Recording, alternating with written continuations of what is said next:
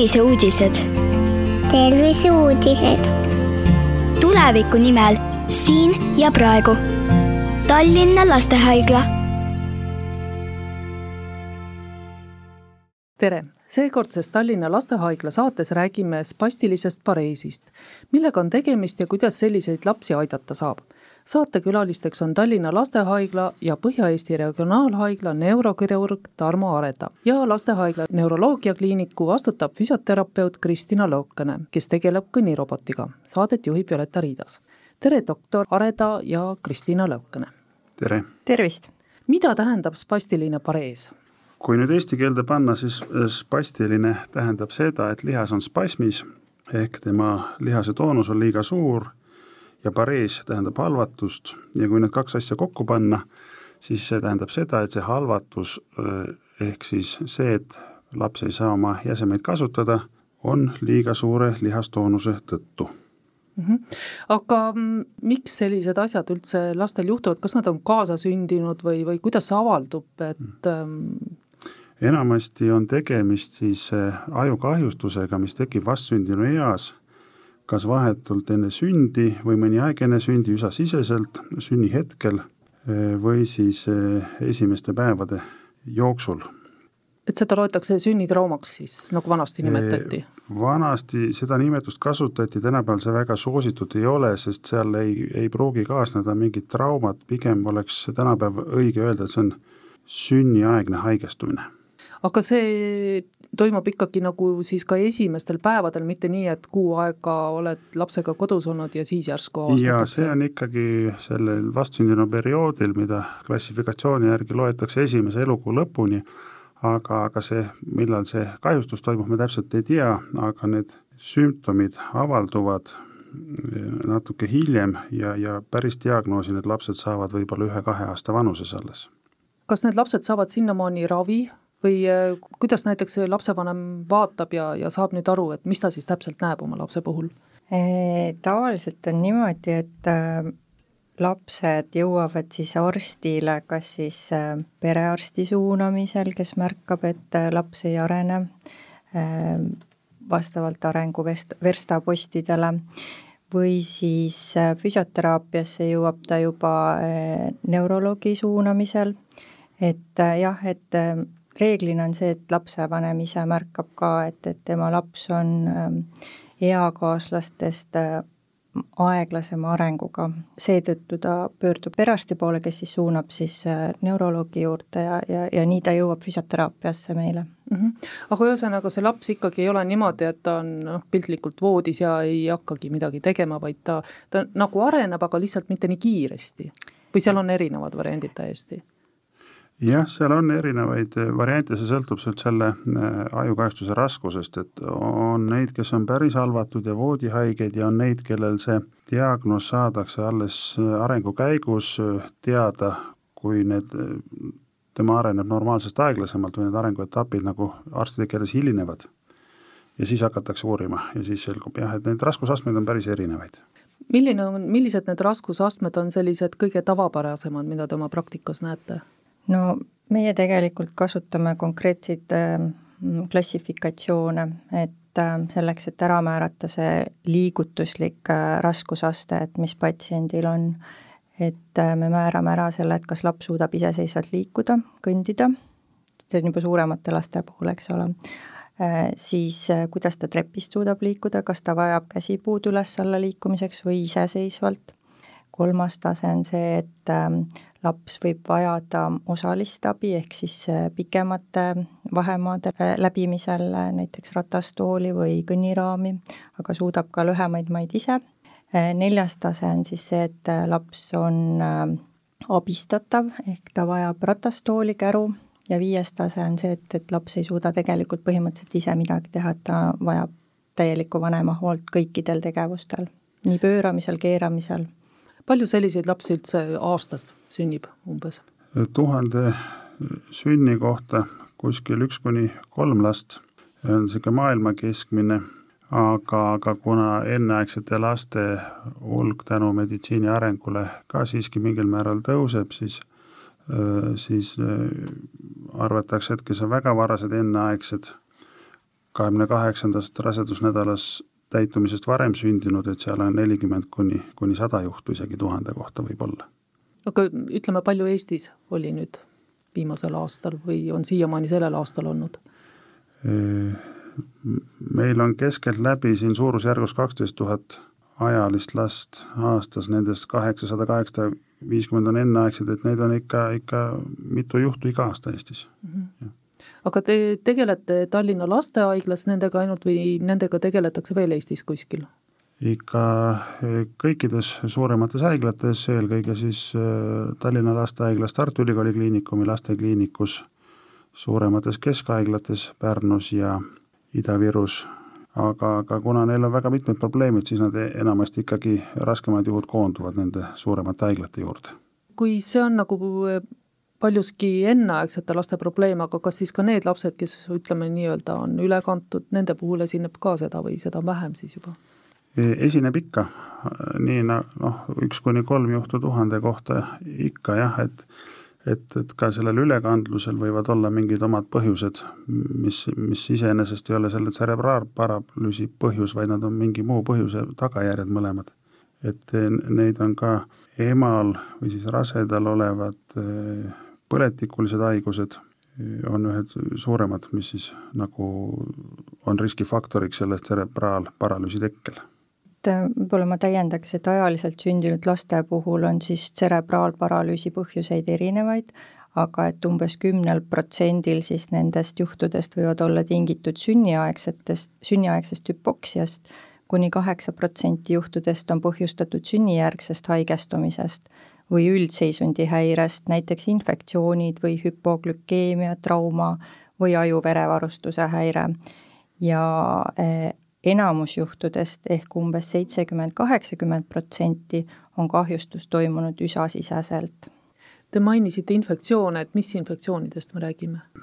eelkõige sünnitrakti infektsioonid ja, ja siis nende lootekestade infektsioonid, aga samuti ema kuseteede infektsioonid, hingamisteede infektsioonid, põhimõtteliselt kõik. et ütleme ka gripp ja, ja Covid ja sellised asjad võivad tulla Covidi täiesti. kohta nüüd meil väga kindlat tõestust ei ole, kuna see on nii uus haigus maailmas, aga, aga, aga gripiga küll, jah mm. -hmm. kõikide raskelt põetavate infektsioonidega põhimõtteliselt võib tekkida see hüpoksia, ehk siis loote, loode jääb hapnikuvaegusesse ja aju kus need reservid on kõige väiksemad, on siis nagu üks esimesi organeid, mis kannatab. aga need üsasisesed kahjustused, mida need endast kujutavad enamasti? no see ongi see, et üsasisene tähendab seda, et ta tekib siis sünni eel, kui, kui, kui loode on ema sees veel sündimata, aga ikkagi põhikahjustus on hapnikuvaegus ajus, milles siis tekib ajurakkude hukkumine, mis siis hiljem elu jooksul peale sündi avaldub siis mingisuguse puudena ma saan aru, et see mm, esimestest sellistest sümptomitest diagnoosini läheb ikkagi päris pikk aeg, nagu te ütlesite, et paariaastane võib see laps olla selleks hetkeks, aga mm, kui ütleme, on nagu kõige sellisem halvem variant, et juba sünnitusmajas avastatakse, et asjad ei ole päris hästi, et mis sellega lapsega siis nagu edasi tehakse? no need, kes on nii haiged, et ei ole valmis koju minema, siis need liiguvad kohe sõltuvalt seisundist edasi siis ka Tallinna lastehaiglasse Tallinna puhul ja sõltuvalt siis seisundist, kas intensiivravi osakonda suisa või, või vastsündinute osakonda. ja, ja seal siis uuritakse ja nende elutegevust igapidi toetatakse ja lahendatakse need kõige akuutsemad probleemid ära, aga, aga jah, ajuhaigustel või ajukahjustusel on see, et neid hukkunud närvirakke me tagasi ei saa ja, ja siis äh, Kristina oskab öelda, kui nooremad need kõige nooremad patsiendid on olnud, kes siis nii-öelda füsioteraapiasse juba jõuavad, et ütleme niimoodi, et füsioteraapiasse reeglina jõuavad äh, patsiendid pärast kolmandat elukuud. just motoorika seisukohast lähtuvalt, kui patsient ei hakka pead hoidma, ta ei hakka pöörama, ta jälgib mänguasja, et need on sellised esimesed verstapostid, mida meie vaatame ja seejärel ta suunatakse füsioteraapiasse et mõnikord me ütleme, et mõni laps on lihtsalt aeglane ja laisk, et ta ei taha teha neid asju, aga teinekord on tõesti see selline raske haigus seal taga, et, et mis ei lase uusi oskusi omandada. mis selle lapsega füsioteraapias tehakse? füsioteraapias me eelkõige siis hindame seda last, vaatame, et mis on tema motoorse äh, soorituse tase ja seejärel me koostöös siis vanemaga paneme paika nii-öelda füsioterapeutilised eesmärgid, et mida me tahame saavutada ja hakkame sinna suunas siis vaikselt astuma. et teeme teraapiat, esialgu siis ütleme, et noh, olenevalt lapse vanusest, aga niisugune kolm-neli korda ikkagi, kui vaja, suuname ka vesiravisse ja, ja siis nii-öelda, kui on kümme korda täis, siis teeme vahehindamise, vaatame, kuidas meil on läinud, mis on takistused, mis on äh, kaasa aidanud eh, edule ja, ja niimoodi me jätkamegi tegelikult. Mm, kuna meil on ehm, saates ka kirurg, siis ma saan aru, et on mingisuguseid veel ravivõtteid lisaks füsioteraapiale? jah, et, et nagu reeglina kirurgilise raviga on, et enne proovitakse leebemad ja ja väiksemate riskidega meetodid ära aga kui nüüd äh, sinna algse teema spastilise pareesi juurde tagasi tulla, siis äh, me räägime selle lihastoonuse vähendamisest või lihase lõõgastamisest. selleks on siis äh, selline mittekirurgiline meetod nagu botoksi süsted, mis on võib-olla rohkem laiale kuulajaskonnale ilukirurgiast tuntud, aga, aga botoks on iseenesest siis mürk, mis blokeerib närvilihasülekannet ja mille õigesti doseerides õigetesse lihastesse saab siis käsi-jalgu lõõgastada. Nende efekt on ajutine, mõned kuud keskeltläbi ja, ja seetõttu peab neid korduvalt tegema, e, mida väiksem laps, seda, seda vähem saab korraga teha, sest lapse kehakaalust sõltub see koguannus, mida talle võib manustada. noh, ennem on muidugi kõik suukaudsed ravimid, mis spastilisust leevendavad, need on kasutusel siis üks kümmekond aastat tagasi tulnud kasutusele ravimpump, mis eh, opereeritakse patsiendi sisse, mis siis pumpab tema kesknärvisüsteemi seljajuvedelikku baklofeeni, mis samuti lihas, lihast lõõgastab, seda rohtu saab ka eh, suu kaudu manustada, aga seal on, tulevad need kõrvaltoimed, ta tavaliselt hakkavad segama või üsna tihti hakkavad segama. kui seda otse seljajuvedelikku manustada, siis see doos on sada korda väiksem, ehk meil see kõrvaltoimete risk või olukord, kus nad tulevad nagu sada korda hiljem meid segama ja võib-olla ei tulegi. ja nüüd siis viimane innovatsioon lastehaiglas on siis olnud äh, operatsioon selja-aju närvijuurtel, kus siis me tundlikkuse kiududest lõikame osa läbi valikuliselt peale testimist, millega me siis vähendame nii-öelda seda refleksikaare aktiivsust ja, ja tänu sellele saame püsiva lahendus, lahendusena spastilisuse leevendamise. kui vanadele lastele neid äh, operatsioone tehakse? ideaalis on see kuskil kolm kuni seitse-kaheksa aastat, alla kümne aasta on see ideaalne iga, et siis on laps piisavalt suur, et ta suudab füsioteraapias äh, kaasa töötada mõtestatult ja, ja on veel, mida vanemaks see läheb, seda rohkem tekib sellest pastilisusest igasuguseid äh, moonutusi eesti keeles, ehk siis ütleme, liigeste jäigastumisi, lihaste, kõõluste lühenemisi, äh, sundasendeid, et see piirab nagu siis vanuse poolt, aga jah, kuskil neli kuni kaheksa aastat on see ideaalne iga operatsiooniks. ja siis on see efekt on nagu eluaegne? jah, kui see operatsioon on väike osa ravist, kirurgi ja patsiendi jaoks on see nagu ühekordne sooritus, aga suurem roll on füsioteraapial millega, kus nad juba käivad nagunii, enne kui nad operatsioonikandidaatideks saavad. Ja selleks, et operatsioon üksi ei ole efektiivne, sellega teeme patsiendi seisundi veel halvemaks, me teeme, teeme jalad lõdvemaks. aga see on eelduseks, et ta saab siis võimlema hakata, oma jalgu tugevaks, kui ta suudab neid liigutada, et siis see füsioteraapia on siin aasta-kaks, Kristiina oskab täpsemalt öelda seda, seda ajakava, ja kui nüüd nii operatsioon on tehtud, kui see kogu füsioteraapia aastatepikkune teekond on läbi kaudud, käidud, siis see olukord võiks olla parem kui enne operatsiooni okei okay., aga kas te kirjeldaksite natukene, et milline see, ütleme, see noh, ei saa öelda teile tavapärane patsient, sest mm. ilmselt nad on kõik mm. väga erinevad, aga ütleme, selline raske patsient, milline on tema lihastoonus niimoodi visuaalselt tava, tavainimesele mm -hmm. enne operatsiooni ja milline on see siis pärast operatsiooni? no on väliselt näha, et see inimene kas ei kõnni üldse või e, kõnnib ebaloomulikult. tema kõnnak on ebaloomulik, tal on kasutusel kas abivahendid, küünarkargud, kõnniraamid, e, ortoosid, kuni ratastoolini välja, ta liigub palju aeglasemalt kui sama vana terve laps tema liikumise ulatus on piiratud, tema astmetest käimine on piiratud. ja pärast operatsiooni? pärast operatsiooni äh, mõnel juhul vilunum, mitte vilunud silmale võib-olla suurt vahet ei olegi, aga kui me neid kuskil laboris, kõnnirobotis või kõnnilaboris analüüsime, siis me näeme heal juhul, et see on kuskil kolmandiku võrra näiteks selle lapse suutlikkus paranenud, meil on siin enda äh, patsientidest hästi analüüsitud juhud, kui mõõdeti täpselt sama distantsi läbimist täpselt samasugustes tingimustes, siis kui enne kulus seitse pool sammu distantsi läbimiseks, siis pärast operatsiooni ja pärast füsioteraapiat ja taastusravi kulus selleks viis sammu, mis tähendab, et ta jõuab sellesama energiakulutusega poole kaugemale. ehk tema nagu iseseisvuse piir või see suutlikkuse piir oluliselt avardub.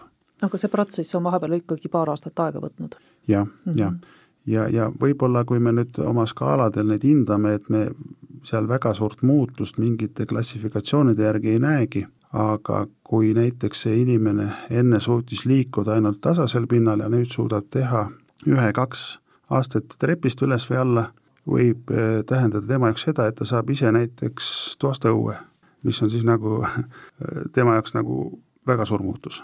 ma tuleks selle enne meie sellist väikest pausi tuleks selle emotsionaalse poole juurde ka, et kuna need lapsed on juba üsna suured, tegelikult ju kuue-seitsme aastast, ta saab ju aru, et tema ei jookse, aga näed, naabripoiss ajab jalgpalli taga ja mm -hmm. et kui te neid kõrvalt näete, et te ei ole küll psühholoogid, aga kuidas see, nende see emotsionaalne pool kõike sellele vastu peab ja, ja kõik need operatsioonid ja füsioteraapia, ma tahan seda öelda, et lapsed on väga-väga tublid, nad on täiesti supertublid, et et nende selline emotsionaalne seisund on alati positiivne, alati rõõmsameelne, et nad soovivad teraapias osaleda, et laps on laps, et tema tegelikult võtab oma elu väga loomulikult.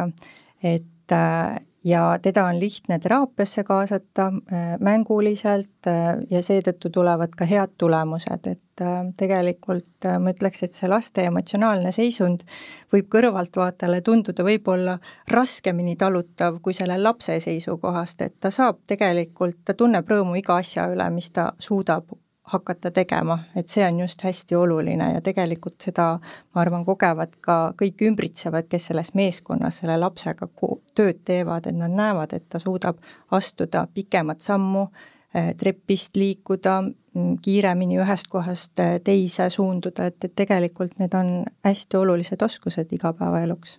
Lisaks siia veel juurde, et selle lapse jaoks on ju see tema liikumise piiratus olnud nagu norm tema jaoks, ta on kogu aeg olnud niimoodi ja kui ta nüüd satub haiglasse, kus on igasugu erinevaid vahendeid, temaga järjest tegeletakse, erinevad inimesed tegelevad, et see võib olla ka nagu seiklus tema jaoks, et, et, et selles mõttes on nad tõesti sellised tänuväärsed ja motiveeritud. ja kui väga palju sõltub ka sellest, et, et kuidas seda asja vanematele serveerida ja kui palju nad on aru saanud on patsiente, kellel on ka ütleme, suhtlemise häired, kas kõnetakistus või, või ütleme, selline maailma ümbritseva tajumine häiritud, et siis nendega on muidugi raskem tegutseda, aga on ka neid, kellel on äh, nagu mõistuse poolest täiesti korras ja, ja kui nad saavad aru, et see tee on pikk, aga et see on kõik kindla eesmärgi nimel, et nad oleksid tulevikus iseseisvad, siis, siis nad tulevad väga hästi kaasa ja nüüd tahakski rääkida rohkem just sellest ravi poolest. Kas Eestis on võimalik pakkuda parimat teadaolevat ravi sellistele lastele? meie teadmiste järgi küll, tänapäeval nüüd tänu selle e, viimase operatsioonimeetodi selektiivse dorsaalse eritsotoomia kättesaadavaks tegemise kaudu on meil kõik e, levinumad ja tunnustatud spastilise pareesi ravimeetodid kättesaadavad mm. -hmm. aga kas on ka selliseid näiteid, kus patsiendid on pidanud võib-olla ootama või, või on neid tahetud üldse välismaale viia, kui ei olnud veel Eestis selliseid võimalusi? jah, meil on olnud head kolleegid eh, Saksamaalt, Berliini Charité lasteneuroloogia ja lasteneurokirurgia keskusest, kes on meil siin vabatahtlike mentoritena juba üheksakümnendate aastate algusest käinud väga erinevate probleemide lahendamisel ja laste ravimisel meid aidanud ja, ja tänu neile on nüüd kõik spastilisuse ravimeetodid Eestis kättesaadavad. tõesti, seesama operatsioon, millest me siin praegu räägime, et esimene patsient läks kahe tuhande kolmeteistkümnendal aastal Saksamaale ja just äh, samamoodi konsultatsiooni käigus leiti, et see ravi oleks tema puhul kõige parem meetod ja alates sellest ajast on siis äh, käinud tegelikult kakskümmend kaheksa Eesti last äh, Saksamaal operatsioonil.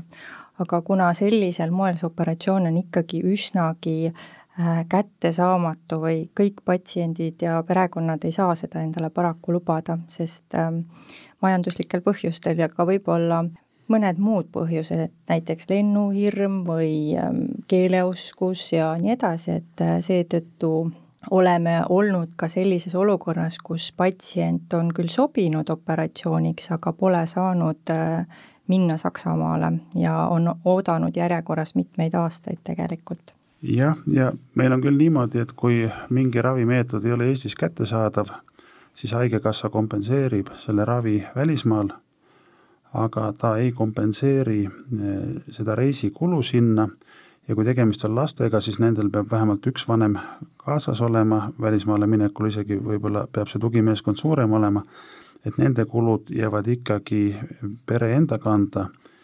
Ja vahest on ka keeleoskus, mis piirab neid, et väga palju on siin abi olnud äh, Lastehaigla Toetusfondist ja muudest erinevatest heategevusfondidest, kes on aidanud neid kulusid katta, aga on siiski suur hulk patsiente, kes, kellele on nendest, sellest hoolimata jäänud see ravi kättesaamatuks ja tänase teadmise järgi seda meil ka siin lähemates naaberriikides ei pakuta, et see Saksamaa on olnud nagu üks lähim koht kus seda ravi saada ja, ja kes on olnud nõus meie meeskonda igakülgselt õpetama. Tulles nüüd selle patsiendi juurde tagasi, kes pidi kaua ootama, kui kaua ta siis pidi ootama ja kas ta nüüd on oma operatsiooni kätte saanud? jaa, tema oli äh, üks esimesi patsiente siis, äh, keda Eestis opereeriti ja see oli siis äh, kahe tuhande kahekümne teise aasta juuni. see oli üks väike tüdruk ja minu meelest on ta hetkel kas esimene või teine klass, et kusagil seitse, kaheksa, kuus, seitse, kaheksa, aga ta sobis operatsiooniks juba kolm, neli, viis. oli näha, et tegelikult ta vajaks seda operatsiooni ja, ja saaks sellest palju kasu. ja kuidas tema seisund praegu on? ta on väga tubli, ta osaleb aktiivselt füsioteraapias täie pühendumisega, et ta on väga-väga äh, asjalik ja ta tõesti suudab ise ka pikemaid samme astuda ja tunneb rõõmu iga oma väikese eduloo üle, et, et selles suhtes kui ta ennem kõndis raamiga, siis nüüd ta kõnnib karkudega, mis on väga suur edasiminek äh, sellistele patsientidele aga ma saan aru, et kui ennem oli Saksamaa kõige lähem koht, siis nüüd on Eesti selline koht, kus selliseid operatsioone tehakse et see on sinu piirkonnas siis üsnagi jah, me unikaalne. ei tehta seda Soomes, ei tehta seda Lätis, on Rootsis üks keskus, kus seda tehakse, kellega meil praegu nagu kontakte ei ole.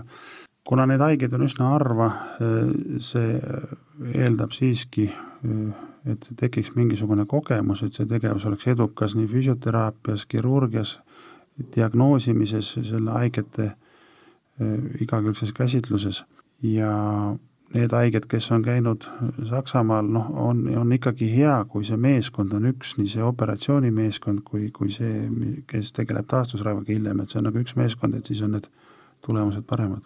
nüüd käivad siis Eestis, käivad ka mujalt lähedastest riikidest patsiendid või?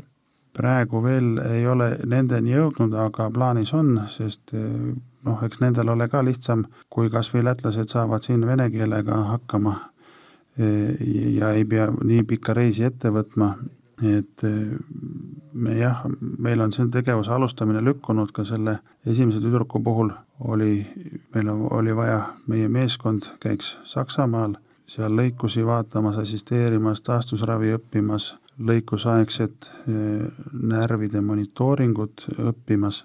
See võttis aega ja siis tulid muidugi paar koroona-aastat vahele, mille tõttu see tegevus lükkus, et, et nüüd me oleme sellest nagu takistusest üle saanud ja, ja meil on juba üle kümne operatsiooni tehtud ja, ja järgmises kuus on järgmised plaanis.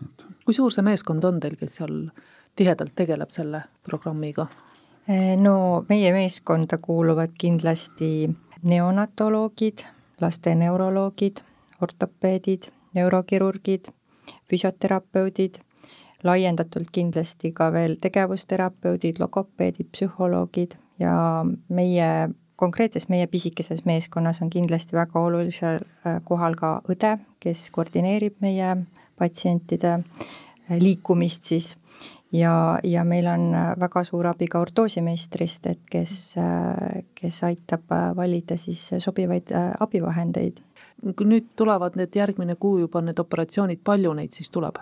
esialgu me tegime neid kahekaupa, kuna me tegime need väliskonsultandi abiga ja siis püüdsime teda maksimaalselt ära rakendada. See operatsiooni kestus ise on üks neli-viis tundi, koos ettevalmistusega on see terve täistööpäev, korra tegime isegi kaks tükki päevas, see oli päris pikk ja väsitav päev kõigile, aga me tahtsime oma väliskonsultanti võimalikult palju rakendada, kui ta juba kord siia on tulnud. ja nüüd me edasi plaanime ühekaupa teha, sest need haiged lähevad siis algab neil kohe taastusravi haiglas ja, ja jätkub pärast Haapsalu neuroloogilise rehabilitatsiooni keskuses, et mitte seal patsientide hulgas sellist suurt lainetamist tekkida, siis me ajutame nad ühtlaselt ära.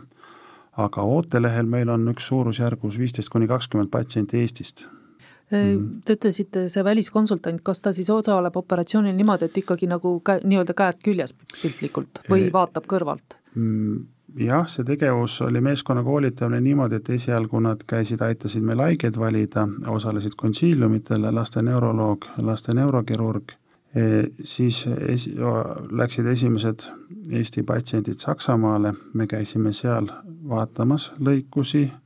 Füsioterapeudid käisid füsioteraapiat vaatamas, siis on veel üks eriala, kitsam eriala neurofüsioloogia, mis on siis neuroloogia alameriala, kes siis aitab meil lõikuse ajal määrata, testides, kui me jagame seal ühe närvi peenteks kiududeks mikroskoobi all, et millised need kiud annavad ebaloomulikku signaali, millised me siis läbi lõikame ja normaalselt tööle jätame.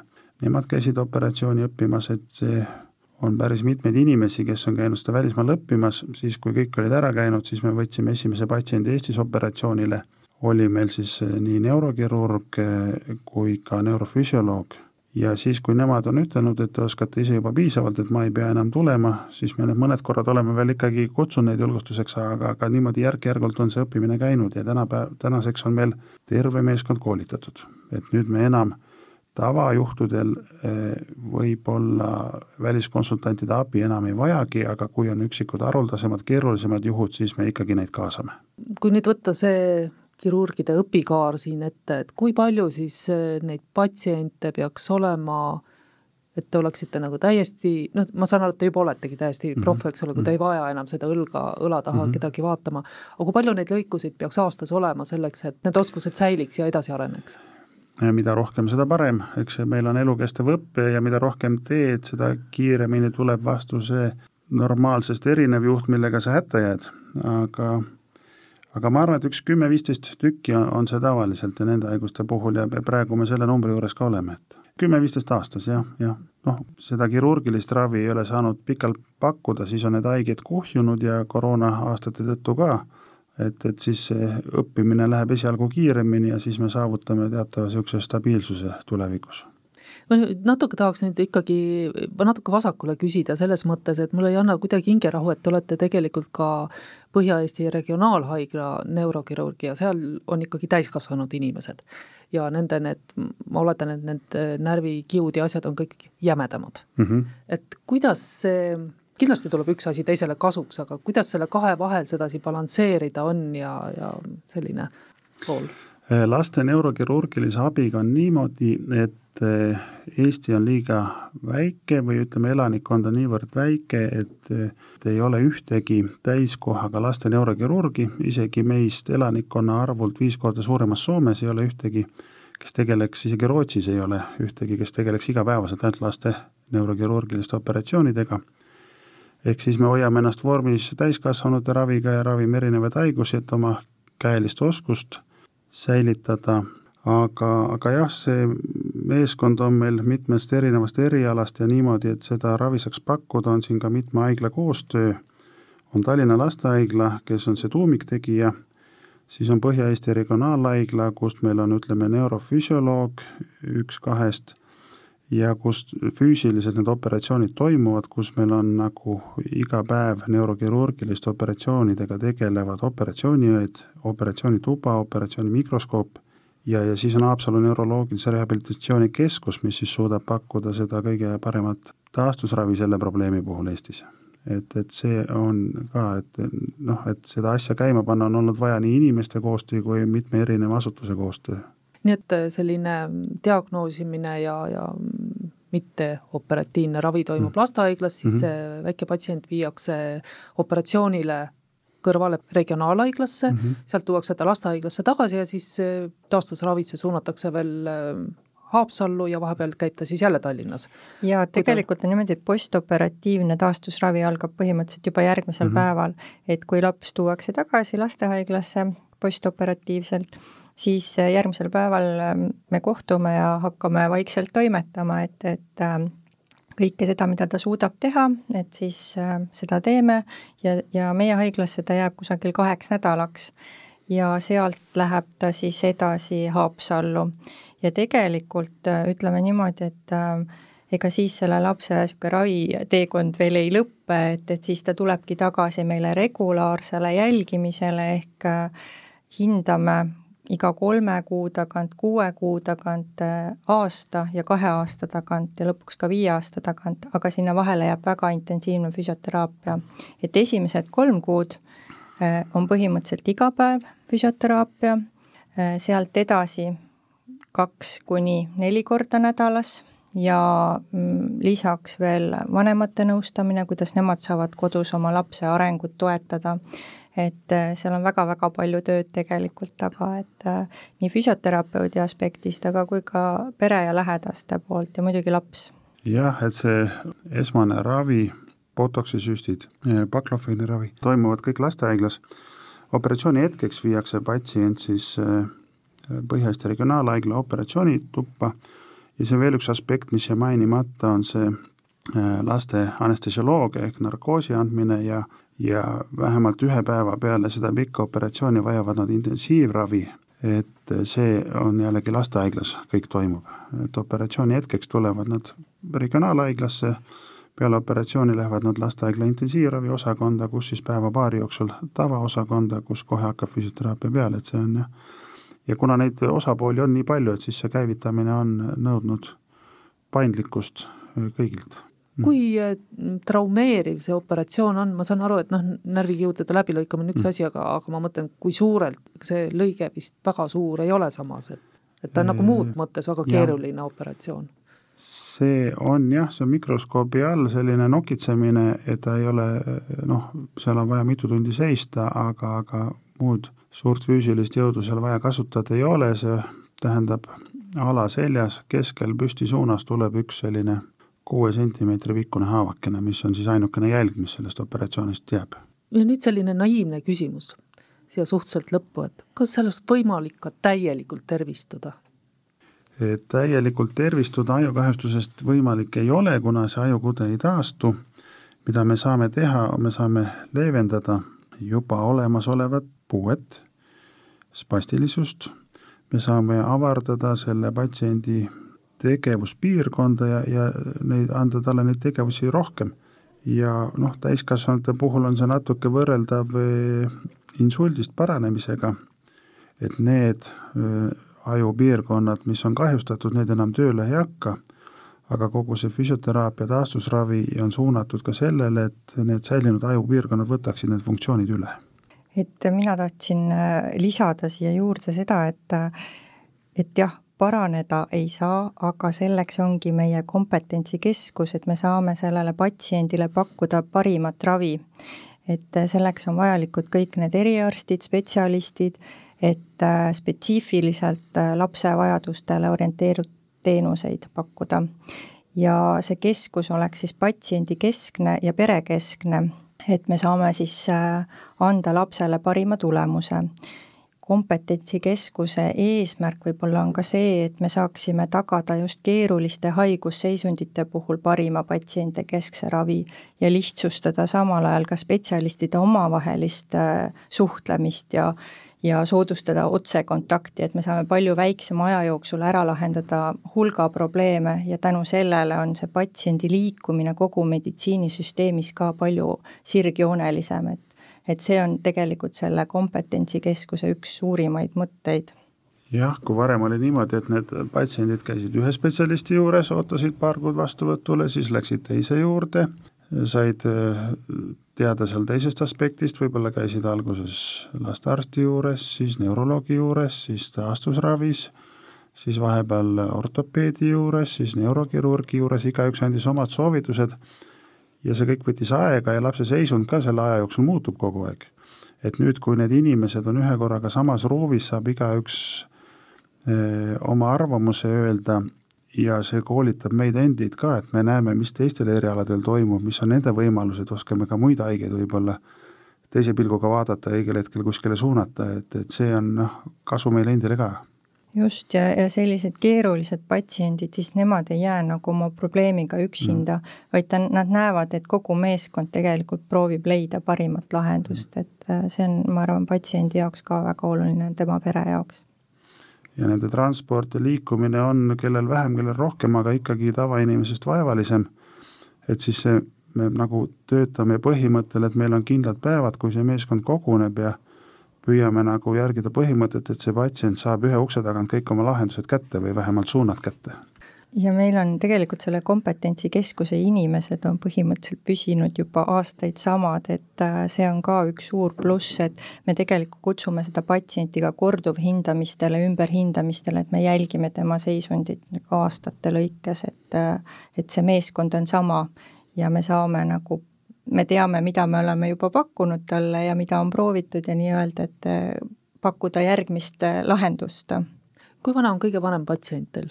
Eh, meil on ikkagi lastehaiglas on see vanus kaheksateist ja sealt ta liigubki edasi just täiskasvanute süsteemi, mhm. kuusteist kaheksateist. opereeritud on seal Aha. kas seitseteist või üheksateist okay. juba kõige varem, kes on noh, selle ajaga, kui me seda süsteemi käima jooksime ja koroona tõttu ootasime, jõudnud vahepeal täiskasvanuks saada, aga valitutest praegu on kolmkümmend neli, kes on ka operatsiooni ootel. aga selline saigi saade Tallinna Lastehaiglast.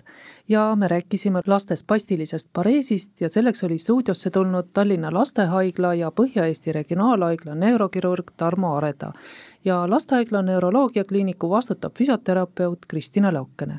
Saadet juhtis Violeta Riidas Aitäh kuulamasta.